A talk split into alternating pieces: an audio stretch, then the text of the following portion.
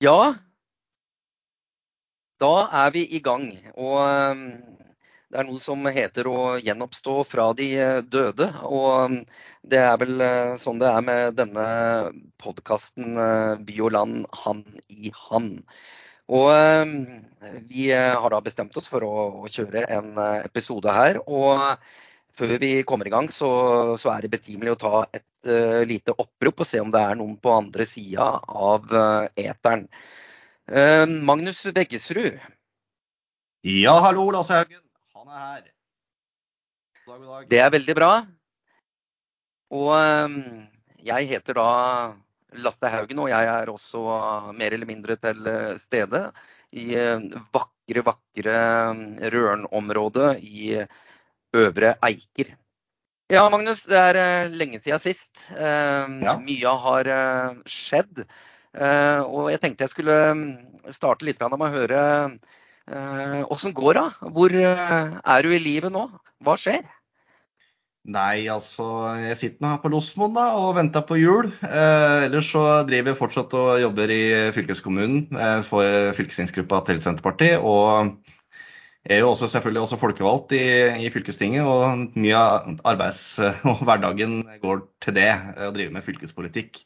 I tillegg så er jeg valgt til førstekandidat, da, eh, eller fylkesordførerkandidat for Buskerud Senterparti ved høstens eh, fylkestingsvalg. Det er jo en stor politisk seier for både Senterpartiet og folk i Buskerud at vi nå får gjenoppretta Buskerud. Kanskje til noens fortvilelse, men til vår glede.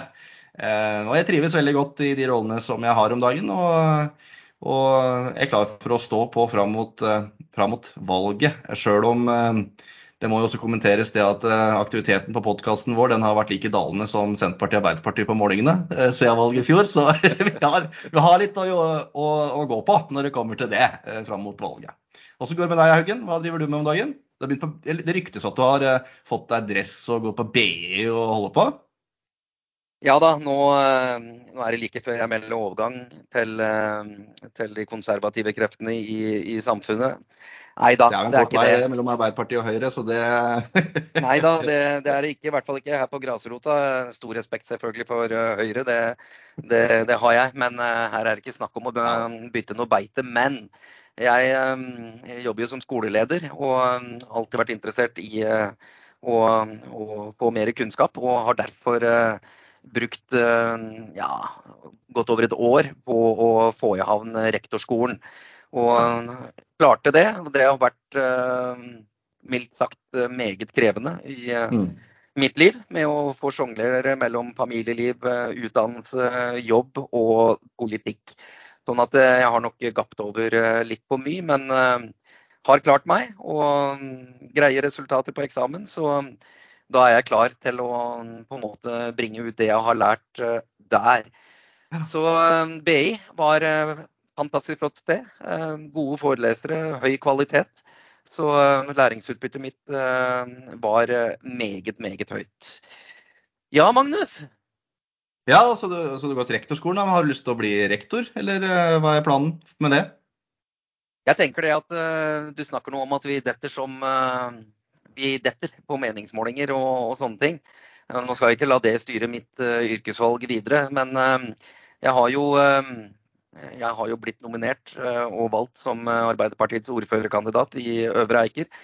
det er jo sannelig ikke sikkert at jeg blir det. Jeg skal selvfølgelig gjøre det jeg kan for det. men det er greit også å ha flere bein å stå på. jeg kommer jo aldri til, i den tid jeg ikke skulle bli ordfører, kunne leve av eh, politikken. Så, så jeg må, kommer til å være i skoleverket eh, så, så, lenge jeg kan. Så får vi se hva politikken bringer. Rektor, ja, det kunne jeg tenke meg å bli. Og trives i Drammenskolen og har alltid trivdes i Øvre Eikerskolen. Sånn at det er absolutt en, en mulighet å konkurrere om en, en rektorstilling som på, som på sikt. Da. Så vi ja, får bare se. Må jo i den sammenheng også si gratulerer da, som ordførerkandidat i Øvre Eiker. Det, syns Arbeiderpartiet har gjort et godt valg der, altså. Sjøl om eh, vi i Senterpartiet håper selvfølgelig på at vi får eh, fortsette å ha ordføreren. Sjøl om vår eh, populære og eminente og, og dyktige ordfører Knut Kvale nå eh, går over i pensjonistenes eh, eh, rekker, så, så, håper vi jo selvfølgelig å, å, fortsette å styre Øvre Eiker som vi har gjort de siste fire år, med, med trygg og stø hånd. Ja. Eh, veldig respekt for eh, Knut og denne jobben han har gjort. Eh, en knakende eh, flott fyr som, eh, som, mange er glad i. Og han, han har styrt på en god måte, etter mitt syn. Jeg kommer til å savne Knut, det er ikke noe tvil om det. Jeg er vel ikke enig med deg at Senterpartiet nødvendigvis skal ha hammeren ved neste korsvei. Men, eh, men, eh, at vi klarer å, å, å, kunne skaffe til veie et klima som eh, fordrer et godt samarbeid, det, det, skal du ikke se bort ifra. Det kan hende at hvis vi skulle få ordføreren, at vi er avhengig av i hvert fall noe stemmer vår vei i enkeltsaker og, og sånne ting. Det, det, kan godt tenkes. Så er det også sånn da, at kommunestyret i Øvre Eiker er, der er folk vel forlikte. Eh, og det er en god tone mellom alle politikere fra venstre til høyre. Og, mm. og ja, jeg, jeg, tror eh, dette valget som kommer i 23 blir eh, jevnt. Og jeg tror ikke noen kan forskuttere hvem som eventuelt til slutt sitter igjen med, med ordføreren. Så det blir spennende, og det handler om å være dagsaktuell og komme fram med saker som bygdefolket tror på. da. Mm. Eh, hjertelig takk for gratulasjonen. og jeg må jo også gratulere deg med, med tilliten som fylkesordførerkandidat. Det var jo kjempemessig. Eh, stolt av deg der. Og så veit jeg at du har stelt deg til disposisjon for partiet også her i Øvre Eiker. Vil du si noe om det, Magnus? Jeg ja. veit selvfølgelig ikke hvordan du ligger an der, men, men vil du si noe om det sjøl? Ja, nei, Jeg har stilt meg til eh, disposisjon for også å kunne engasjere meg lokalt i Vreiker. Jeg har jo jobba i kommunen i, i, ganske mange år som, som lærer, og så har jeg også bodd der nå i, i ja, nesten fire år og trives veldig godt her og ønsker å engasjere meg enda mer i lokalsamfunnet. Så får vi se hva partiet ønsker og vil av listeplassering og sånn. Jeg skal bidra med det jeg kan og har tid til. Eh, selvfølgelig så er jo fylkespolitikken som, som, eh, jeg vil måtte bruke mest tid på sånn sett. Det er jo naturlig også når jeg er førstekandidat, men jeg ønsker å være en ombudsmann for vanlige folk eh, også i Øvre Eiker. Eh, så jeg tenker at her er det velgerne som må bare avgjøre hvem som, som også styrkeforholdet blir etter valget. Det er ikke sikkert at Senterpartiet og Arbeiderpartiet kommer inn i kommunestyrer og fylkesting til høsten, gitt de målingene vi har nå. Så jeg tenker vi bare får avslutte med å si at vi sier som Rudolf Blodstrupmoen pleier å si, time vil show. Det er helt riktig. Time vil show, og jeg syns det er artig at du bruker begrepet vanlige folk her. Eh, så jeg står vel egentlig med innmeldingsblanketten klar her. Eh, hvis du eh, virkelig nøder for god sosialdemokratisk politikk, så, det er jo Senterpartiet som har vært vanlige folks parti de siste åra, Lasse Haugen. Det er en grunn til at vi fikk så mye tillit til valget i 2021, fordi vi så hva folk hadde behov for rundt omkring i, i landet. Både økonomisk og geografisk. Ja, det viser jo også målingene nå når dere er nede på 3,6% og Det var vel noe sånt jeg sa til deg eh, ved en podkast, at eh, jeg tror dere skal jekke dere litt ned med, med ordbruken eh, på forskjellige ting. Rep drivstoff og, og, distriktspolitikk og andre ting. Og jeg mener jo at her har Senterpartiet fått ting rett i bakhuet. Men, eh, og dette er jo litt sånn alvorlig, vi skal ikke bruke så veldig mye lang tid på det nasjonale. Men, men det er naturlig Magnus, at eh, når velgerne setter seg på gjerdet, når velgerne eh, går bort fra både Senterpartiet og Arbeiderpartiet, så er det noe som må mm. tas på det høyeste alvor. Jeg har stor respekt for velgerne. Martin Kolberg, mentor for meg, sa og har sagt ved flere anledninger velgerne er ikke dumme. Um, og det er en grunn til at uh, vi er der vi er. Det er en grunn til at dere er der dere er. Uh, veldig kort, Magnus. Uh, hva, hva, handler det om der ute nå? Jeg tenker, jeg tenker, Vi kan godt snakke litt om analysen av hvorfor vi, hvorfor vi har synkes opp målingene. Men først vil jeg si det at jeg mener også at regjeringa har virkelig levert, og Senterpartiet også har levert på mye av det vi lovde i valgkampen. Det har eh, blitt en kursendring for landet på mange måter. Eh, Bl.a. innenfor distriktspolitikken, hvor vi har styrka kommuneøkonomien. Vi har hatt et rekordhøyt jordbruksoppgjør eh, som, som, viser at vi ønsker at de som jobber med å produsere mat, også skal tjene like mye som andre grupper. Å starta den innhentingsjobben der, det er jeg veldig stolt av at vi har gjort. Det er viktig for distriktene. Det er viktig for Norge som, eh, som land og sikkerheten vår, matsikkerheten. Og det, det, mener jeg at vi har levert på. og Når det gjelder drivstoffpriser òg, så, så har ikke denne regjeringa her økt drivstoffavgiftene, slik som den forrige regjeringa gjorde. Det er jo internasjonale markedsforhold som, som har påvirka at vi har fått den, de økte prisene. Um, og så tilhører jeg selvfølgelig også dem som ønsker at vi gjerne skulle gjort noe mer for å få ned prisene på drivstoff, bl.a. for å redusere avgiftene ytterligere. Men, men, jeg tenker vi kan godt bruke litt tid på det og analysere, Haugen. Altså, vi har gjort mye bra, men hva er det vi ikke har klart å levere på? Og du sitter som folkevalgt og tillitsvalgt for Arbeiderpartiet på kommunenivå, og du ser ser hva som skjer, du, du hører hva grasrota sier. Hva er Arbeiderpartiet eh, og regjeringa ikke har klart å levere på? Som gjør at vi nå er der vi er. Ja, og det, dette er jo selvfølgelig sammensatt. Eh, jeg tror mange av våre velgere også for så vidt sitter på gjerdet, men, eh, men analyser viser også at de har gått eh, bl.a. Til, til Høyre.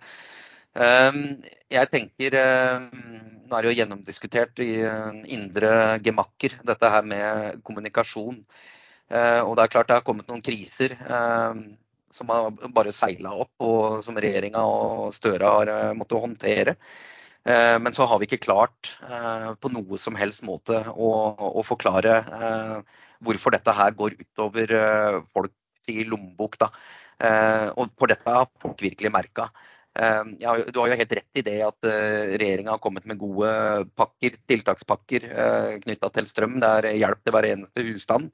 Men allikevel så er det noe som kurrer i eh, folk sine ører. Og dette her med utenlandskablene og kompleksiteten i hele energi- og, og strømsektoren, det er vanskelig i seg sjøl, men vi har ikke klart å forklare det. Og vi har heller ikke klart å forklare hva vi skal gjøre for å, um, for å, bedre situasjonen for folk. Og når du da får høye drivstoffpriser i tillegg, eh, matvarepriser eh, som øker, og en eh, krig nede i Europa som vi ikke har noe som helst vi får gjort noe med, så blir dette her en, en håndfull. Jeg tror veldig mange mennesker i Norge hva skal vi si, de sliter med å få endene til å møtes. Det er kommet et nytt begrep på bordet som heter nyfattigdom.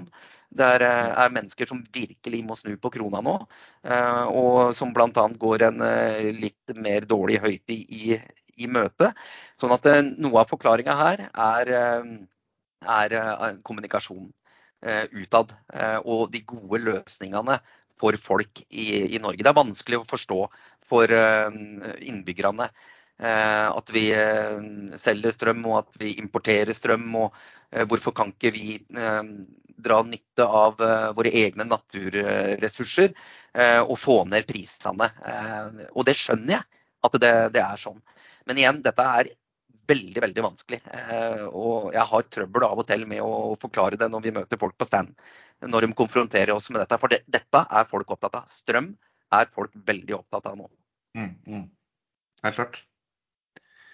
Nei, altså jeg er, jo, jeg er, jo, veldig enig i veldig mye av de resonnementene som du har. Eh, vi klarer ikke å kommunisere godt nok fra regjeringshold eh, hvorfor situasjonen er som den er, og skjønner at folk også blir frustrerte. Og, eh, men jeg tror også at veldig mange, altså folk skjønner også sammenhengen her. Men det også, det også folk er litt forbanna over, det at man ikke det er manglende også handlekraft fra regjeringas side på å løse noen av de utfordringene som folk står i. Og eh, Det mener jeg særlig er innenfor energifeltet, hvor vi, vi, har, vi har, en veldig raus og god strømstøtteordning til eh, privathusholdninger. Nå, er vel også den støtteordninga til næringslivet også i ferd med å rulle oss ut, og det er bra. Men allikevel så betaler folk mye mer for strømmen enn det man strengt tatt bør i Norge. Hvor vi har eh, over, eh, over 100 år bygd opp en kapasitet og produksjon av ren fornybar kraft gjennom vannkraftverkene våre. og, og, og, og dermed kunne sikre folk og industri og næringsliv tilgang på, på ren og billig vannkraft. Slik at vi kan skape verdier og, og, og ha en uh, god forsyningssikkerhet av, av energi. Um, og så er det jo sånn at det, Vi er jo tilkobla det internasjonale markedet også her. og Det er ingen tvil om at det er krigen i Ukraina som, uh, som påvirker det internasjonale markedet, eller det europeiske markedet for vår del først og fremst, når det kommer til strømenergi. Um, her, det er helt åpenbart at Europa har gjort seg altfor mye avhengig av, europeisk, nei, av russisk gass. og Når den da blir redusert, eh, så står man igjen litt med skjegget i postkassa. Eh, og så er det jo noen av oss som har vært veldig kritiske til den sammenkoblinga som tidligere, den forrige regjeringa, eh, og regjeringene også før der også har ført gjennom å koble oss mer og mer på det europeiske strømnettet. Og Særlig da gjennom de to siste overføringskablene til Tyskland og Nederland, var det vel eller Skottland, jeg husker ikke, som dobla overføringskapasiteten av energi mellom Europa og Norge. Og som i realiteten har blitt rene eksportkabler, hvor vi eksporterer massevis av vannkraft og strøm da, til, til Europa for en ganske billig penge. Og, og, som da også har den konsekvens at vi importerer de prisene som da er i Europa, og eh, særlig Tyskland, som gjør at vi har høyere priser enn det som er nødvendig. Og det mener regjeringa er nødt til å i større grad ta inn over seg at man må gjøre strukturelle grep for å få energimarkedet eh, på stell, slik at vi kan få de rimelige strømprisene som vi har hatt i Norge, både til industri eh, og til privathusholdninger. Eh, for sånn som det er nå, så, så altså, Vi er nødt til å løse energikrisa på en bedre måte enn det vi har klart til nå. Ellers kommer vi ikke til å få økt tillit til en av velgerne. Det er, det er, helt klart. Men så så jeg allerede i dag at det er, det er bevegelse på gang. Ole André Myhrvold, som er Senterpartiets energipolitiske talsperson, han var ute i Dagbladet og sa det at hvis regjeringa ikke gjør strukturelle grep innenfor energi energiforsyning og energimarkedet, eh, som gjør at vi kan få billigere strøm her i Norge igjen, eh, så bryter det med Hurdalsplattformen. Eh, og det mener jeg, for det står noe, det står vel, ikke for de formuleringene, men at det står at man skal sikre næringsliv og folk billig, tilgang på billig kraft, et eller annet sånt i Norge, i Hurdalsplattformen. Og da foreslår han bl.a. at vi skal kutte de to, siste, to, de to kablene som går til Danmark. Som da vil redusere den overføringskapasiteten til kontinentet. Og som vil dempe den prisimporten som vi da får på, på kraft. Eh, for dette er da kabler som eh, må fornyes eller byttes ut eller noe sånt, eh, i løpet av få år. og Da kan vi heller droppe det. Eh, slik at vi kan kobles noe av, og at vi kan eh, få rimeligere strøm her i, her i Norge. Det er iallfall en start. Og det, og det sies også at regjeringen også jobber med eh, noe strukturelt. Eh, det var vel en artikkel det også i Dagbladet, eh, at det var noe regjeringa driver med hemmelig arbeid med strøm. og det, Så jeg er spent på hva det innebærer. Men jeg, jeg tenker at de, signaler vi har fått fra velgerne også, når vi synker så drastisk målingene, det er at folk ikke er fornøyd med jobben som er gjort, særlig på energi. Enkelt og greit. Det er der vi har ikke klart å, å, å levere. Og så er det selvfølgelig også andre områder. Men, men det er jo altså det at det blir dyrere drivstoff og dyrere altså andre ting, det, det handler også om det internasjonale markedet igjen, som er pressa, og inflasjonen som øker. Og rentene går jo også opp. Der er det jo også uenighet om den politikken vi fører er riktig. Om det kan føre til mer arbeidsledighet f.eks. enn nødvendig. Men det kan vi komme oss tilbake til en, en annen episode, tenker jeg, så vi kan vie litt mer. Så vi kan dykke litt dypere i disse problemstillingene. Eh, men det er, det er, tøffe tider for mange. Og det er åpenbart at eh, etter åtte år med borgerlig regjering, så er forskjellene i Norge store. Eh, og vi som en sosial regjering er nødt til å stille opp for folk i større grad. Enkelt og greit. Ja. Jeg tror det er helt riktig. Jeg skal ikke kommentere mer på strøm. Annet enn at der er det nødt til å skje noe. Og jeg veit at det er noe på trappene ut ifra det resonnementet som du kommer med her. Eh, og så er det jo sånn, da, som du sier, den sosialpolitikken som har blitt ført, den uh, har egentlig vært god.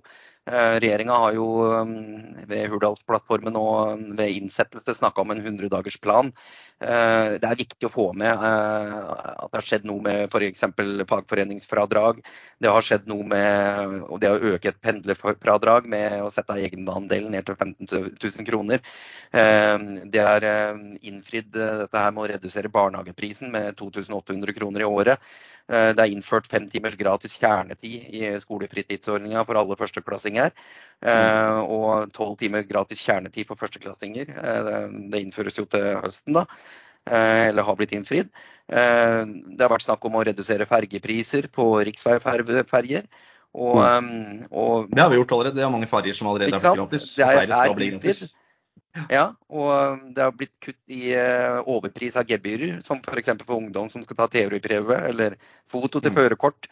Uh, og um, feriepengetillegget, viktig for permitterte og arbeidsledige, det er uh, gjeninnført.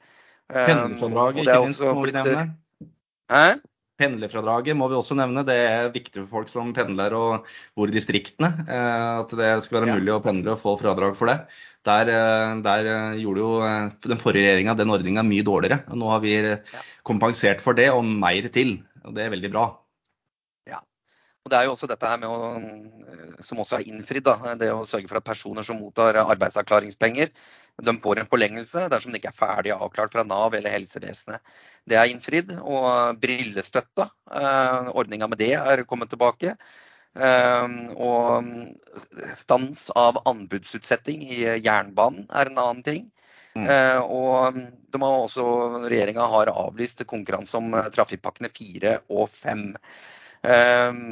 Og en ting som har vært viktig for meg, og som er viktig for folk, det er at vi har klart å stoppe høyrepartias privatiseringsreformer i helse- og omsorgssektoren. Mm. Og, og regjeringa har vel bl.a. sagt at de vil avvikle ordninga fritt behandlingsvalg fra 2023. Mm. Det ligger også en del med å stoppe utsalg av Statskogs eiendommer. Og i tillegg så er det innfridd dette med å sørge for et mer aktivt statlig eierskap og starte arbeidet med ny eierskapsmelding. Slik at statlig kapital og eierskap bidrar til økt eksport og utvikling av nye grønne verdikjeder og flere arbeidsplasser. Så Magnus, det gjøres jo ting. Det har blitt gjort ting. Ting ja, ja. har blitt innfridd. Men allikevel da, så, så, har ikke dette kommet godt nok ut. Og det drukner i de problemene som en del folk eh, opplever. Mm. Ja, nei, jeg er helt enig. Det har blitt gjennomført veldig mye god politikk for hele landet. Og for folk som ikke hadde skjedd hvis ikke Senterpartiet og Arbeiderpartiet sitter i regjering. Du nevner bl.a. nasjonal kontroll og nasjonalt eierskap. Altså Nå har regjeringen eh, nettopp kjøpt Meråker Bruk, et svært eh, landbruksområde med både skau og jord oppe, i Trøndelag. som hadde, Hvis, det, hvis det ikke regjeringa hadde, hadde bladd opp de pengene for å kjøpe det, så kunne det fort, fort falt på utenlandske eiere. Altså, altså Naturressursene våre skal være eid av, eh, av det norske folk. Enkelt og greit. Og der har regjeringa nå endra en kurs hvor man ikke skal selge ut.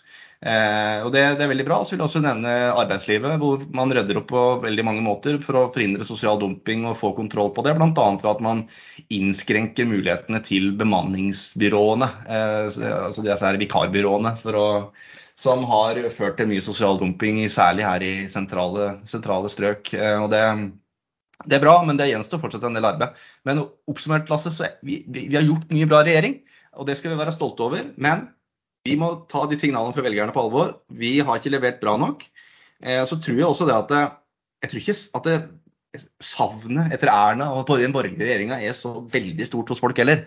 Fordi at det, når det gjelder strømpolitikken, så mener jo ikke Høyre akkurat så veldig mye annet enn, eh, enn hva særlig Arbeiderpartiet kanskje gjør. da, fra, Hvis jeg snakker om internt i regjeringa, kanskje ikke du er enig i det. Men, eh, men, de sitter jo for det meste stille i båten og sier ingen verdens ting om dagen. Og det er en grunn til. At det hadde vært omtrent ganske mye likt hvis det hadde vært en borgerlig regjering, særlig på den energisida. Eh, det mener jeg er litt unødvendig, da, for jeg mener vi kunne levert bedre. Men, men sånn er det. Eh, men det jeg skulle fram til er jo at jeg tror veldig mange velgere, velgere er usikre. De har satt seg på gjerdet. Det viser også mye av bakgrunnstall i disse meningsmålingene. At folk har blitt usikre, satt seg på gjerdet.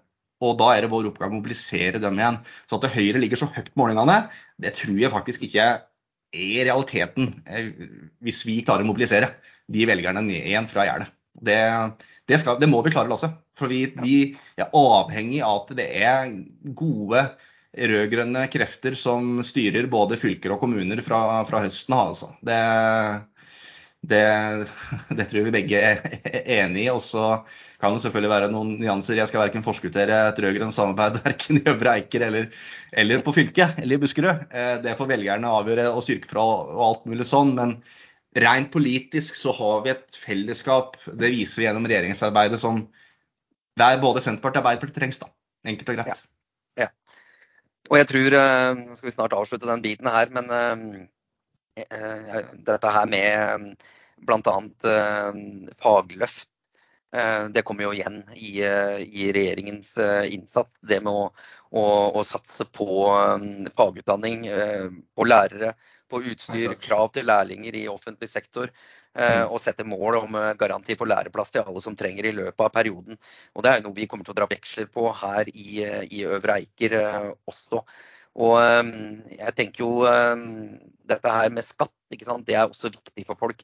Og nå er det jo innfridd at de som tjener mindre enn 750 000 i året, skal betale mindre skatt.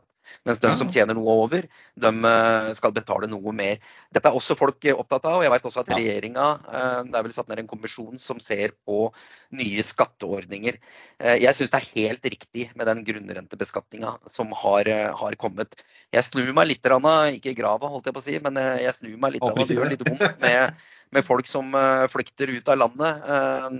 Det er jo gjerne dem som er best bemidla på bakgrunn av skatteregler. Vi har private barnehager f.eks. som flagger ut. Du har andre industriherrer som, som velger å flytte til Tveit og, og ta med seg midler som vi hadde hatt godt av å bruke på fellesskapet her i Norge. Jeg er skeptisk og jeg er kritisk til å gjøre det på den måten der, når man trekker ut den type kapital av noe man har skapt ut ifra bl.a. tjenester som gjøres her i Norge, eller naturressurser for den saks skyld. Jeg mener at det skal komme av fellesskapet til gode. Jeg tror ikke vi er veldig uenige på akkurat det, Magnus.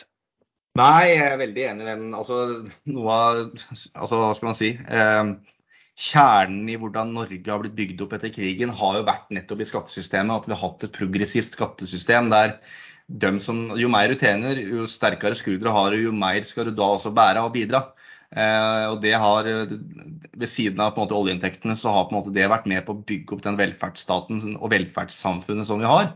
Og Det mener jeg vi skal ta vare på. og Etter åtte år med borgerlig regjering og massive skattekutt, de aller rikeste, og smuler til de, de som tjener mindre, eh, så er det riktig med en kursendring der. Og Hvis man ser i forhold til det totale skattekuttet, nå husker jeg ikke det tallet hvor mye Erna og den borgerlige regjeringa kutta i skattene, så, så, vi er ikke i nærheten ennå eh, i å øke dem eh, til det nivået som det var før. Så det er fortsatt mye å gå på. Så.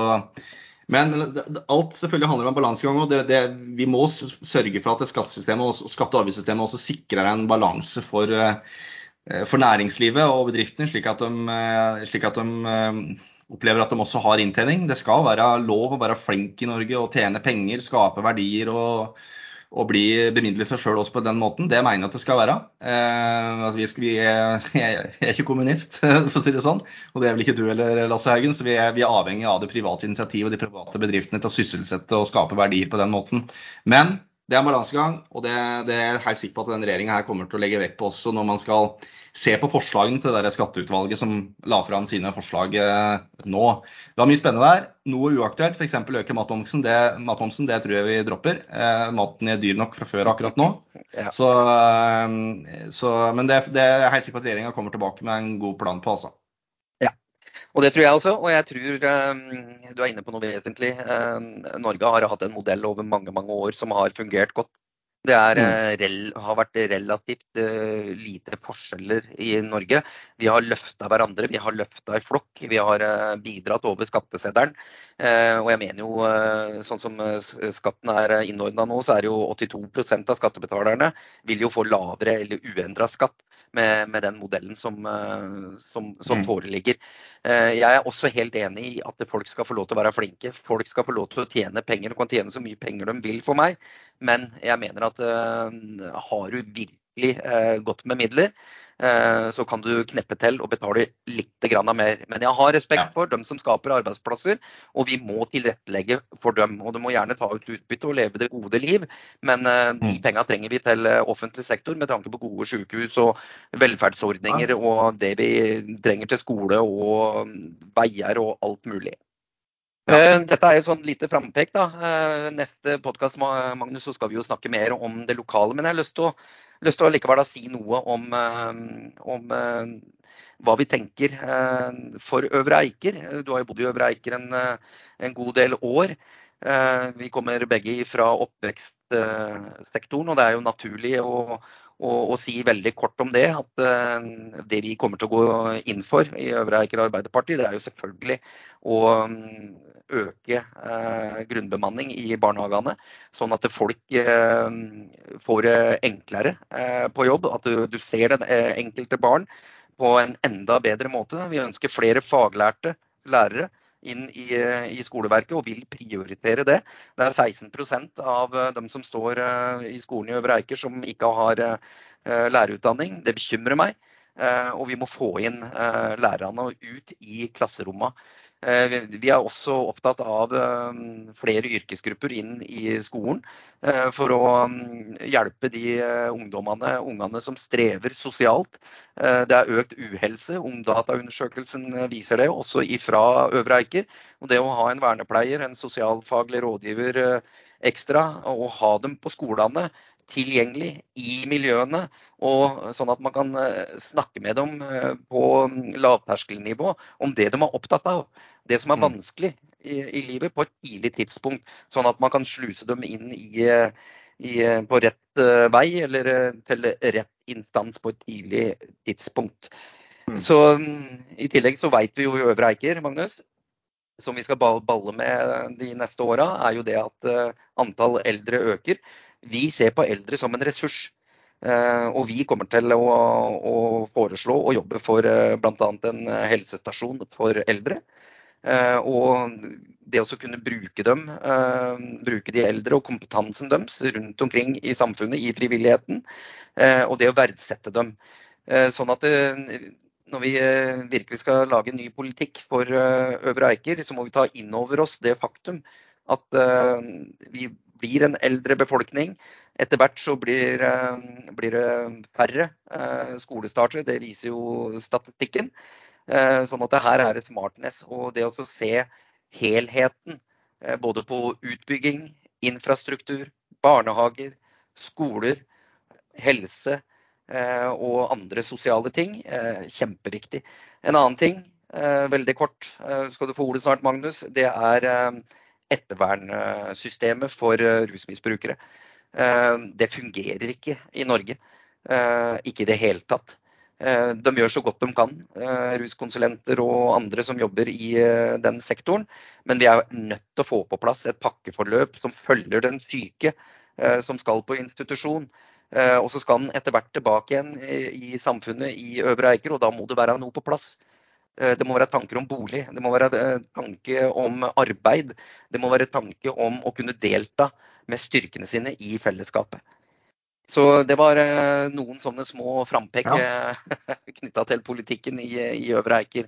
Hva tenker du? Som, eh, Nei, altså, Vi har jo vår egen programprosess i Senterpartiet og alt mulig sånn, så jeg, jeg, til det du drar opp, så kan jeg vel si at jeg er enig i veldig mye av det du, mye av det du tar opp, og det med grunnbemanning. også også noe som jeg kommer til å spille inn eh, til at Senterpartiet også må jobbe mer med i tida som kommer. Eh, vi har jo, som du sa, bakgrunn fra skolesektoren her i, her i Øvre Eiker. og de åra som eh, jeg jobba der, så, så ble vi jo færre ansatte år for år. Nå handla også litt om statlige tilskuddsordninger til noe ekstra lærere osv. Men likevel så, så opplevde vi et relativt økende press på, på, den enkelte ansatte i skolehverdagen. og Mens elevantallet økte veldig raskt, det også. Eh, så det tenker jeg noe vi må ha fokus på, og sikre nok ressurser til skolene våre. Eh, og så vil jeg dra fram et par andre saker som du ikke var noe inne på etter hva jeg oppfatta. For, for Senterpartiet er det viktig at vi klarer å skape utvikling i hele kommunen, og ikke bare i, bare i sentrumsområdene. Eh, vi ønsker å legge til rette for at folk også kan bo mer spredtbygd i kommunen. Ta i bruk større større deler av arealet vårt i Skotselva, i Vestfossen, Fiskum, uh, utover Hakavika. Altså, det skal være mulighet for oss å kunne bygge seg et hus uh, også litt utafor uh, sentrum. Fordi jeg tror at når folk ønsker å flytte litt mer ut på landet, så ønsker man ikke, kanskje ikke å bo med, med en blokk eller med et naboer tett på seg. Man ønsker litt mer frihet rundt seg. og der der mener Senterpartiet at det må legges til rette for eh, kanskje litt mer eh, spredt boligbygging på den måten. og Det litt om, men det handler selvfølgelig også litt om eh, statlige planretningslinjer som legger en del føringer, og fylkeskommunens plan for areal og mobilitet osv. Men der går Senterpartiet inn i den ambisjonen at kommunene skal få mer spillerom inn i det, og bestemme, kunne bestemme enda mer sjøl at, uh, over sine arealer. Men samtidig så må vi også huske på at vi må passe på matjorda. Jeg må nevne det også, og Den er viktig her i Breikel. Vi har mye matjord, og det betyr et stort ansvar. Uh, så når jeg sier spredt boligbygging, så mener ikke jeg da nedbygging av matjord. Uh, det mener jeg ikke. Men det kan ikke være sånn at all utvikling skal skje i nærheten av kollektivknutepunktene. Sånn kan det må være mulighet for oss å, å bo, kunne bo litt mer spredt. Så vil jeg også nevne en ting til, og det er, det er klima og miljø. Jeg mener at Øvre Eiker også må gå i front for å bli en nullutslippskommune og få få god energiøkonomisering i sine kommunale bygg. Eh, solcellepanel, jeg vet ikke hvor stor grad det er på de byggene her i kommunen enda, men det tenker jeg er noe som man må se på. Eh, og så tenker jeg vi også må jobbe med å forbedre vannkvaliteten i Eikeren, som vi begge er opptatt av, Lasse. Og den, har, eh, den, den er rett og slett litt utfordrende om dagen. Jeg møter jo i vannområdet Eikeren for Viken fylkeskommune og få der orientering om vanntilstand og vannkvalitet osv. Det, det er mye avrenning som renner ned i, i, i vannet, vannet, vårt. Og fra bl.a. jordbruket, som man må ta større ansvar om. Men det å Vann- og avløpssystemer henger jo også sammen med dette her, og det er jo enorme investeringer som også må til for å kunne forbedre dette her. Nå skal det vel bygges et nytt renseanlegg her i Hokksund for en del eh, millioner, som ble enda dyrere når det ble krav om nitrogenrensing, hvis jeg husker riktig på det. Eh, men det er noe som vi må prioritere, fordi folk er opptatt av det. Folk vil ha trygt, trygt drikkevann, eh, og folk vil ha et miljø og klima som gjør at vi kan leve gode liv. Altså. Og det tror jeg du er også opptatt av, Lasse? Ikke sant? Det er eh, helt riktig, vi følger hverandre eh, veldig der. Og Eikeren eh, det har vi hatt oppe i nåværende kommunestyre ved flere anledninger. Og, og, selvfølgelig skal vi sikre gode drikkevannskilder. Det har vi også med i eget program som vi offentliggjør, og som for så vidt har vært klart lenge. Jeg følger deg også på dette her med helhetlig boligutbygging.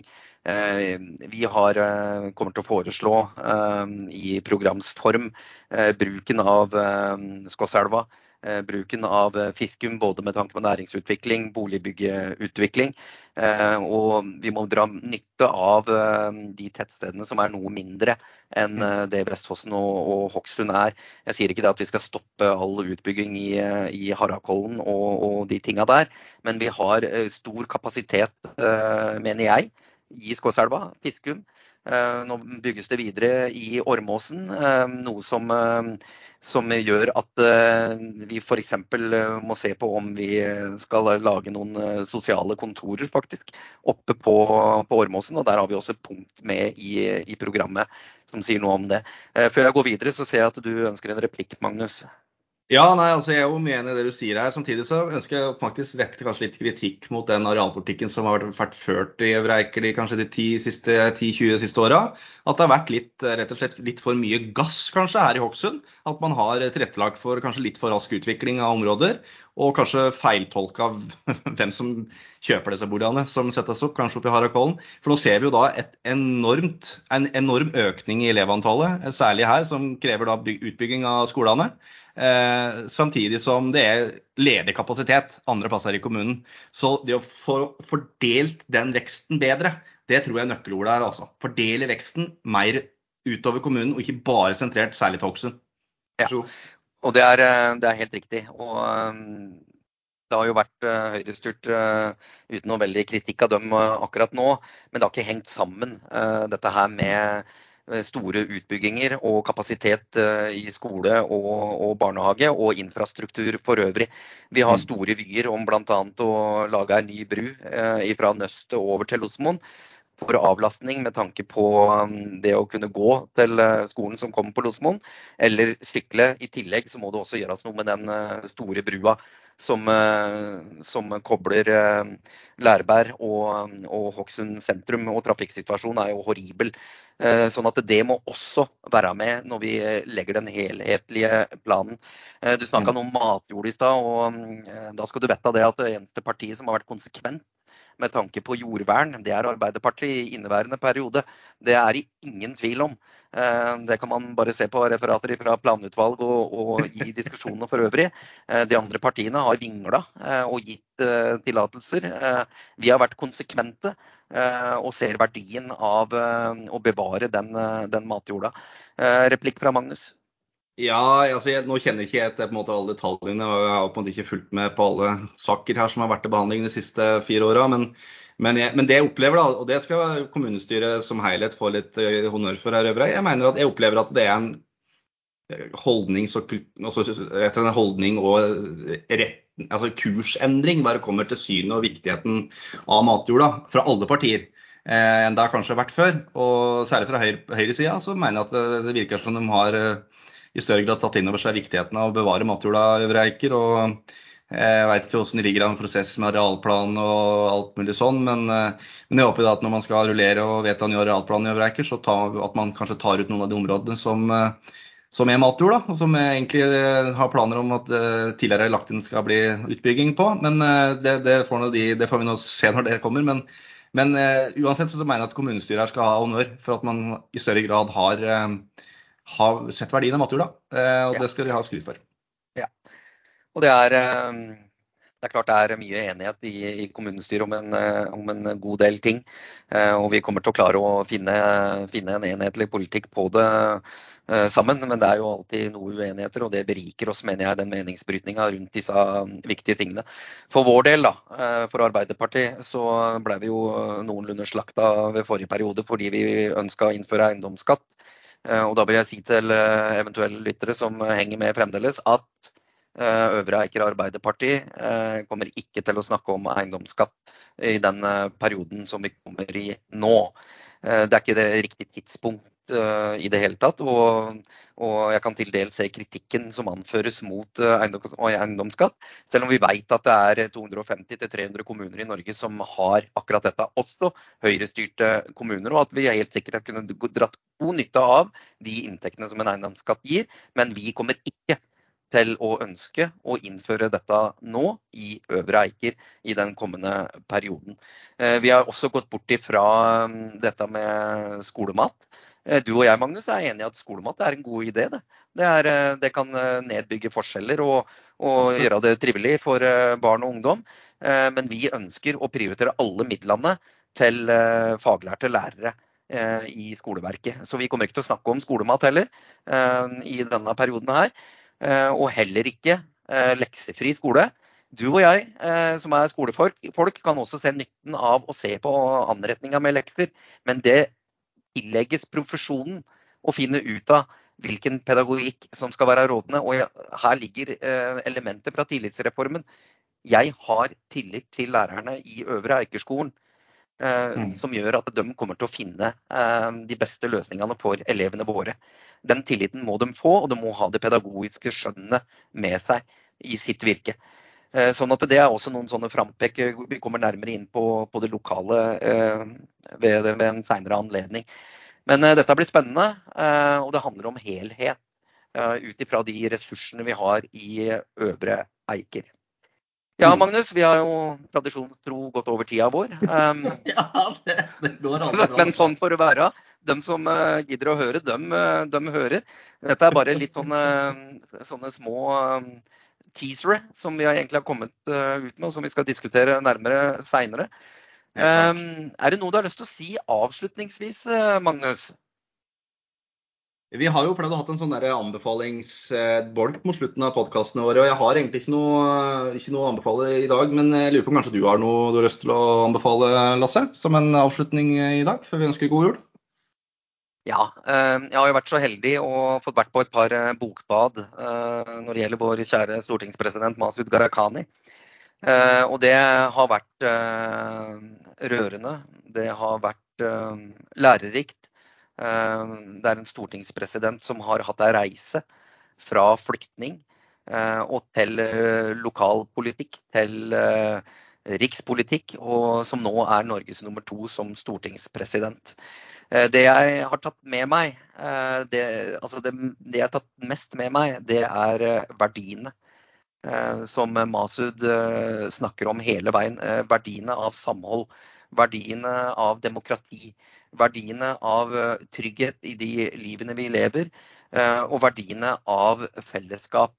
Eh, det kommer Masud tilbake til gang etter gang. Og det å være med på å løfte hverandre. Det å mm, skape en politikk som gjør at vi har brød på bordet, at vi har litt attåt. At vi kan bidra med det vi kan i samfunnet. Og jeg hører litt sånn Gerhardsen Eh, det å yte etter evne, det å få etter behov og det å trøkke til i samla flokk. for å gjøre det så godt som mulig for naboen, eller for den som sitter nederst ved bordet, eller også for dem som tjener gode penger. Det er det det handler om. Det er det som har vært suksessen i, i Norge, at vi står samla. Så mitt, eller min anbefaling denne gangen, det er boka til Masud Gharahkhani, 'Fra flyktning til stortingspresident'. Magnus?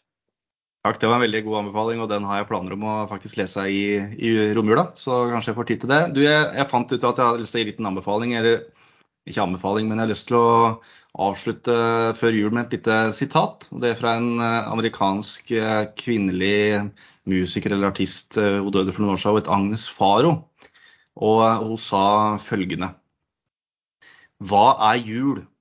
Det er ømhet for fortiden, mot for nåtiden håp for fremtiden. Det er en ønske. Det er et inderlig ønske om at hver kopp skal flomme over av velsignelser, rike og evige, og at hver vei skal føre til fred. Så jeg tenker Det var en fin måte å kanskje avslutte før jul med de ord, Lasse. Og så tenker jeg at vi da skal møtes igjen i januar til ny podkast. Og nå skal vi få litt mer fart på dette her. Akkurat som vi skal få fart på meningsmålingene og sparke regjeringa litt i ræva. Eh, det må vi kunne lov til å si, selv om det er et uparlamentarisk uttrykk. En eh, fantastisk god eh, anbefaling. og eh, du har helt rett. Vi skal være bidragsytere for å få snudd dette her for vårt vedkommende. Og da skal jeg bruke et Eiker-uttrykk som kanskje ikke mange kjenner seg igjen i nå, men det å ligge på hønnet. Ligge på hønnet det betyr bokstavelig talt at nå skal vi tute litt, og vi skal mene litt. Og vi skal bryte litt på meninger og vite meningers mot. Eh, så vil dette her bli bra til det gode for alle som bor i Norges land. Og i det du også frambringer av anbefaling, så ligger det solidaritets- og fredstanker til alle der ute utafor Norges grenser også. Ja. Da ønsker vi, eller jeg ønsker eh, alle innbyggerne, eh, spesielt da i kjære Øvre Eiker, en eh, riktig god jul og et herlig, godt nytt år. Ta vare på hverandre. Det samme vil jeg også si. Jeg ønsker selvfølgelig også innbyggerne i Buskerud fylke godt nytt år og god jul. Takk for i dag! Takk for i dag.